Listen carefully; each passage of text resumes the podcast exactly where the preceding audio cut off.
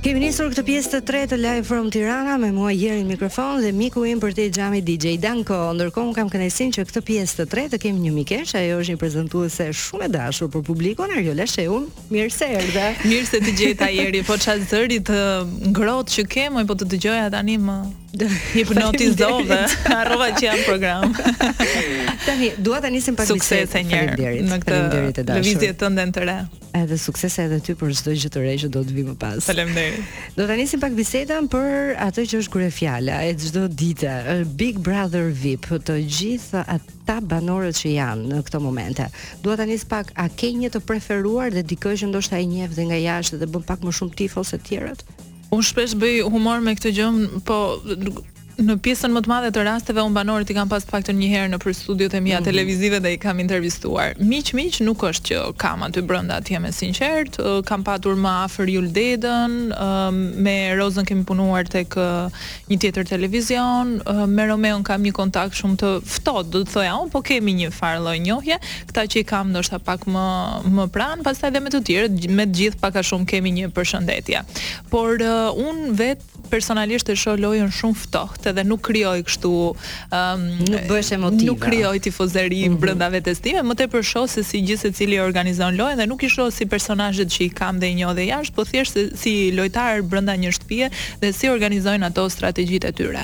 Në këtë këndvështrim thjesht më pëlqen t'i analizoj, po jo të krijoj për shembull një preferencë për një strategji të caktuar. Ama kam një mendim për secilin prej tyre. Dhe meqenëse ke një mendim për secilin, do ta nisim pak me atë që bëri edhe bujë edhe që çoi deri në largimin e një banori nga mm. shtëpia mm. e Big Brother dhe kam fjalën për ish futbollistin Klodian Duro, pas deklaratave të forta që bëri në atë shtëpi edhe pse më pas ka kërkuar ndjesë, por është një temë kam përshtypjen që është shumë e prekshme dhe që shumë njerëz në vendin tonë të vogël e e vuajnë. Dhe sado që ti të thuash që e bëra në një kuadër loje apo të justifikohesh, impakti që lë është shumë i fortë apo jo? Është shumë e vërtetë. Unë do ta analizoja pak më gjerë. Në tetë edicionet e kaluara të Big Brother dhe në tre edicionet e Big Brother VIP ka patur shpesh situata të cilat kanë janë përshkallëzuar, pra kanë shkuar në nivele të dhunës verbale apo edhe fizike. Madje edhe fizike ka patur disa raste në Big Brother që uh, ka ka përshkallëzuar situata. Vitin e kaluar ishte një prej tyre. Mm -hmm. Mendoj që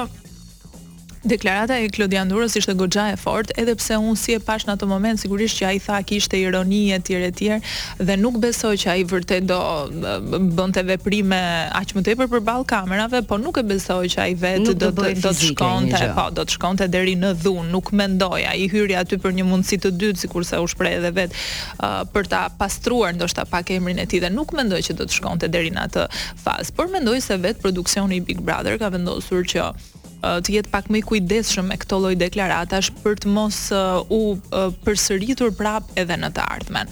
Domethënë tani tregohet shumë më vigjilent për cilëndo situatë që mund t'i uh, shpëtojë nga duart si të thuash dhe mund të mund të përkeqësohet në të ardhmen, për të ruajtur në një farë kuptimi edhe produksionin po mbi të gjitha edhe mesazhet që përçohen te publiku sepse tani dihet se sa shumë vëmendje ka Big Brother në shoqërinë shqiptare dhe patjetër edhe vetë produksioni e ka kuptuar këtë dhe unë mendoj që me qëllim duan të tregohen shumë më të kujdesshëm. Dhe tek e fundit mirë bëjnë sepse duke menduar që janë personazhe që kanë ndikim te njerëzit e thjeshtë dhe në momentin që ti merr përsipër të jesh në një shtëpi që është shtëpia më e vëzhguar duhet të tregosh një lloj kujdesi për mesazhet që jep, sado që të thuash që um, ishte lojë apo unë e bëra me ironi, këto tema janë shumë të prekshme, janë shumë njerëz që ndoshta po vuajnë një gjë të tillë dhe nuk gjejnë as shpëtim dhe jo pak lajme kemi të tilla, ëh. Dhe u krijuan në fakt lajme shumë pati shumë reagime në rrjetet sociale për sa i përket kësaj deklarate, unë pashë shumë edhe media të cilat kërkonin largimin e menjëhershëm të këtij lojtari, pra të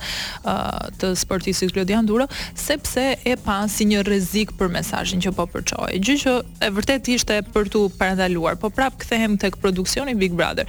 Në qoftë se vitin e kaluar për shembull një lojtare si Kevina ndenji në mos gaboj edhe tre net të tjera dhe pastaj u përjashtua bashkë edhe me videon që u shoqërua dhe madje më duket nuk e dhanë si video për të mos ta përsëritur tek publiku diçka e tillë. edhe unë tani s'jam shumë e qartë, po dua ta them në qoftë se aty lanë pak kohë për t'u përfolur kjo gjëja me një lojtar si Klodiani, i cili vetëm foli dhe nuk veproi, u treguan shumë më të shpejtë në marrjen e masave që kjo situatë mos të përsëritet. Dhe prap dalim tek vëmendja që ka te publiku dhe kujdesi që duhet bërë për të lançuar, për të për të për të treguar apo për të thënë deklarata të tilla. Mirë, ne do ta vazhdojmë bisedën edhe për ngjarje të tjera që kanë ndodhur në shtëpinë e Big Brother gjatë kësaj periudhe, por fillimisht do të shkojmë tek Beautiful Things.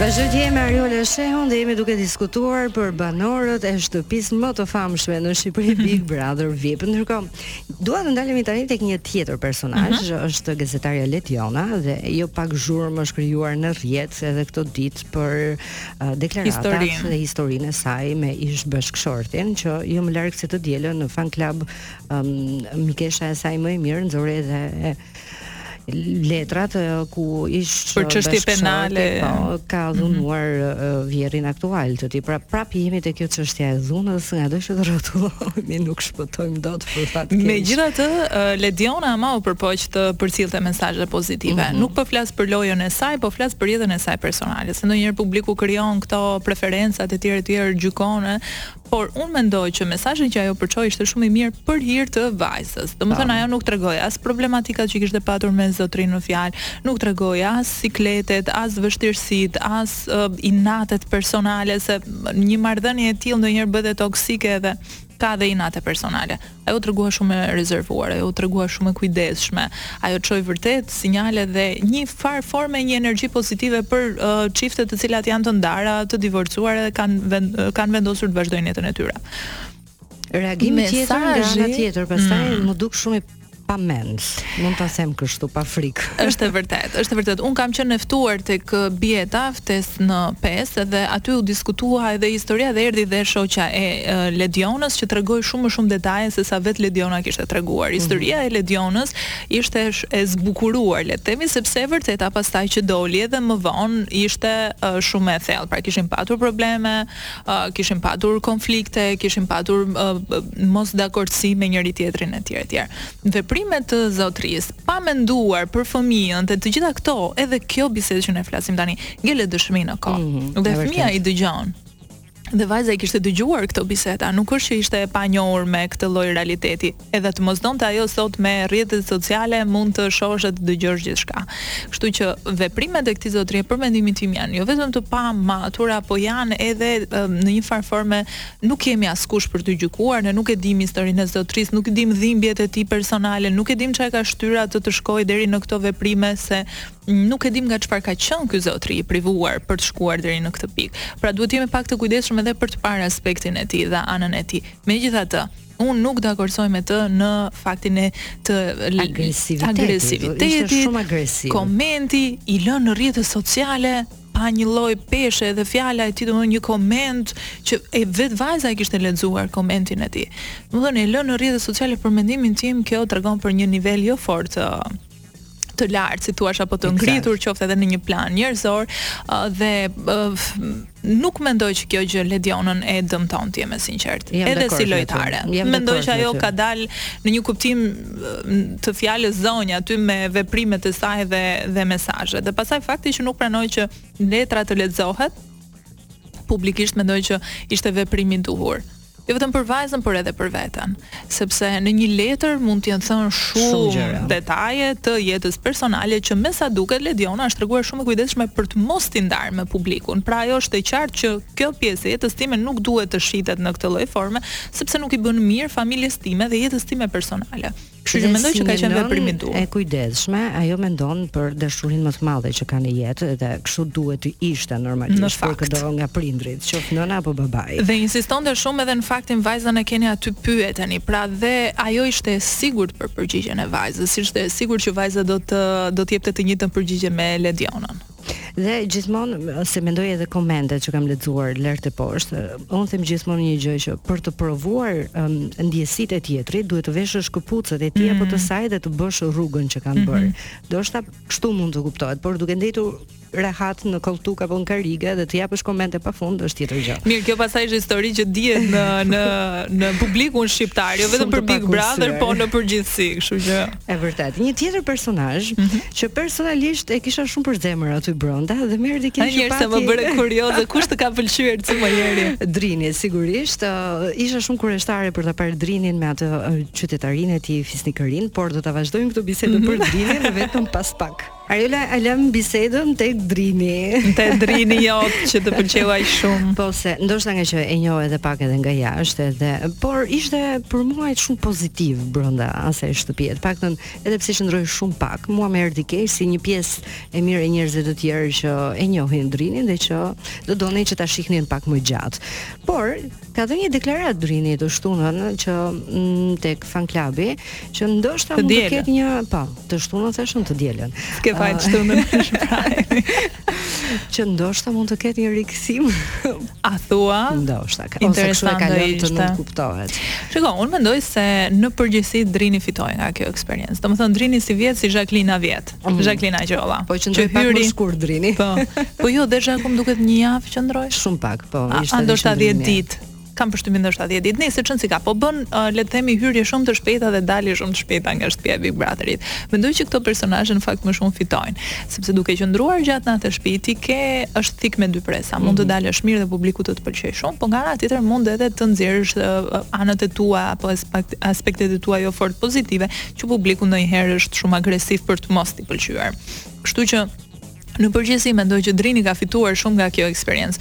Nuk do isha shumë që Drini të rikthehej prapë në shtëpi. Mendoj që bëri një figurë aq të mirë, la një mesazh aq pozitiv dhe po të hynte prapë nuk e di a do fitonte kaq sa ka fituar deri tani. Ka rënë në syt publikut, është përfolur shumë dhe tani që ka dalë u bë disa ditë që ka dalë nga shtëpia. Edhe tani vazhdon të diskutohet dhe të flitet për të dhe mendoj që në përgjithësi them që për mendimin tim, mm -hmm. po të isha në vendin e Drinit do ta kisha konkluduar si eksperiencë nuk do rifutesha. Un personalisht, po megjithatë varet se po, çfarë objektivi të fusësh një personazh si Drini, se ishte shumë më i qetë, më i ekuilibruar, mm -hmm. ose mhm. paktën kështu e kam parë un Drinin. Mm -hmm. Kështu që mungon, janë të gjithë shumë shpërthyes. Janë, është e vërtetë. Këtë vit, domethënë ka kaq shumë personazhe që duan patjetër të jenë në fokus të kamerave protagonistë, ndonjëherë edhe me energji jo fort të mira, dhe që përpiqen me agresivitet ta marrin vëmendjen, por ka edhe personazhe të tjerë. Ledioni bënte ironi shumë të këndshme do doja unë me Ervin Gonxhin edhe me Gabrielen, më duket që i pyeste, mm -hmm. si jeni mirë, jeni mirë, po rrini, okay.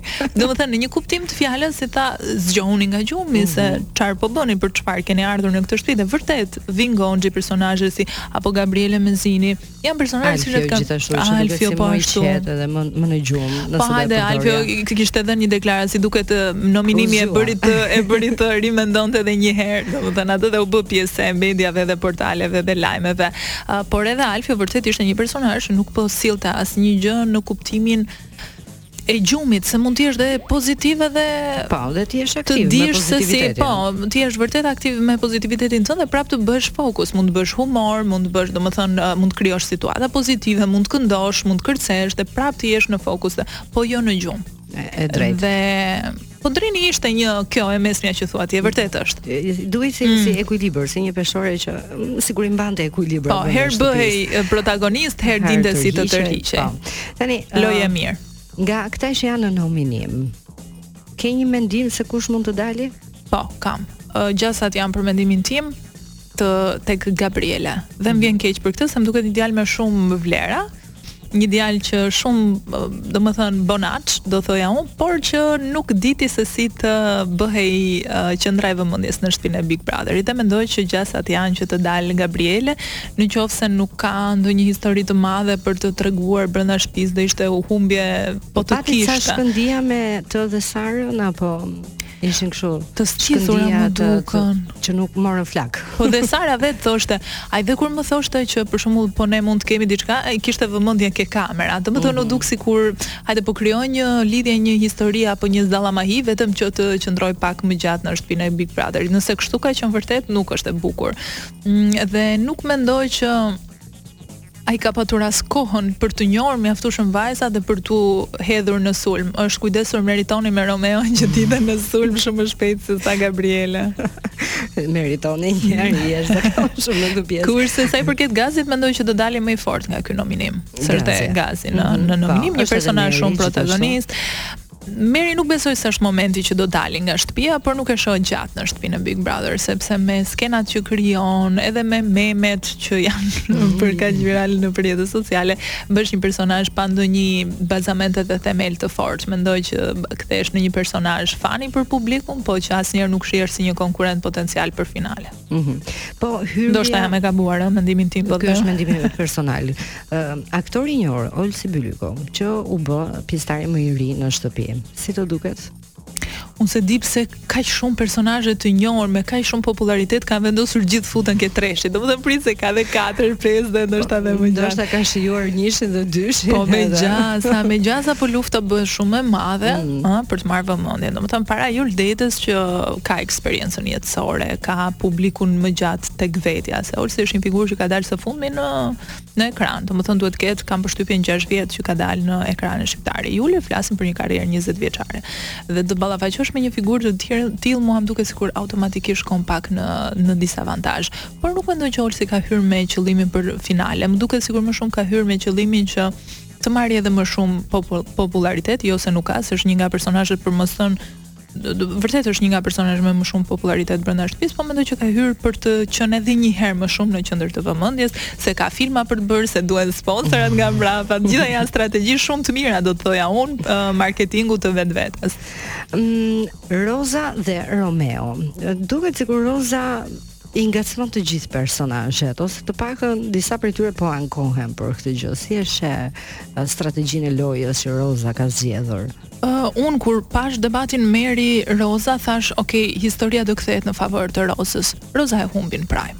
Mm -hmm. Domethënë, po ta shihje, Roza ishte me të drejtën e vet në kuptimin e fjalës, ok, ekzagjeroi me idenë e shpullës dhe, ok, por në vetvete, Meri ishte treguar shumë arrogante, shumë agresive, kërcënuese, unë të bëj këtë, të bëj atë, jo në Shqipëri, jo, Domethënë, deklaratat e saj ishin shumë të forta. Dhe unë mendova që në prime Roza do dilte triumfatore në këtë lloj debati. Roza e humbi, gjithë shtëpia praktikisht iu kthye kundra dhe publiku duartrokiste kundër saj.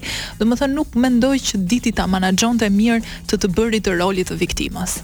Mm -hmm. e e humbi pak atë pjesë dhe mendoj që ka rrezik shumë të lartë për të mos qenë uh, un un nuk e shoh Rozën si një personazh negativ. Nuk e di pse po sikur nuk po arrin dot ta nxjerri më të mirën e vetes. Ajo flet për dashurinë, flet për pozitivitetin, flet etj etj, po duket sikur aty brenda nuk po arrin dot që ta përcjelli këtë. Ndoshta është strategjia e saj për mendimin tim deri tani nuk po i rezulton shumë e mhm. suksesshme se mund të jesh në fokus të kamerave, po nuk bëhesh e preferuar për publikun dhe rreziku është i lartë që të mos jesh pastaj fituese.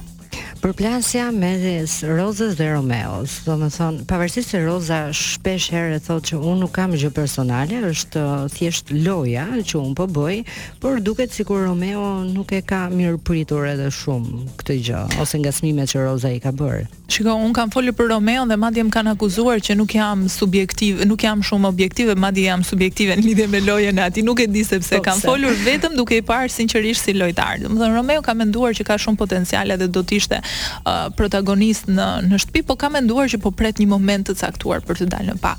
Kam përshtypjen që kjo që kam thënë në fillim nuk po më rezulton shumë në vazhdim dhe nuk e di se si do të jetë. Por edhe Romeo m'u duk që u bë pak pre e lojës së Rozës. Nga ana tjetër nuk mendoj që Provokime të tilla janë të bukura se jo vetëm që s'të lartësojnë si njeri, po krijojnë edhe siklet tek tjetri, edhe pse nga publiku patjetër pëlqehen edhe preferohen se kush është ai që s'do donte ta dinte përgjigjen e pyetjes së Rozës.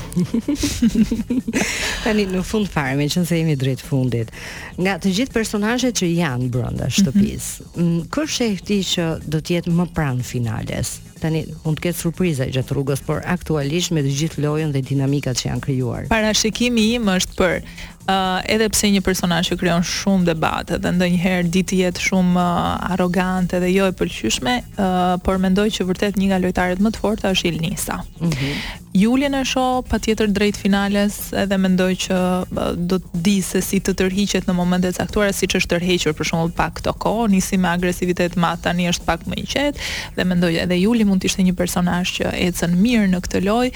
Gazin e shoh si potencial por jo për finale. Mm -hmm.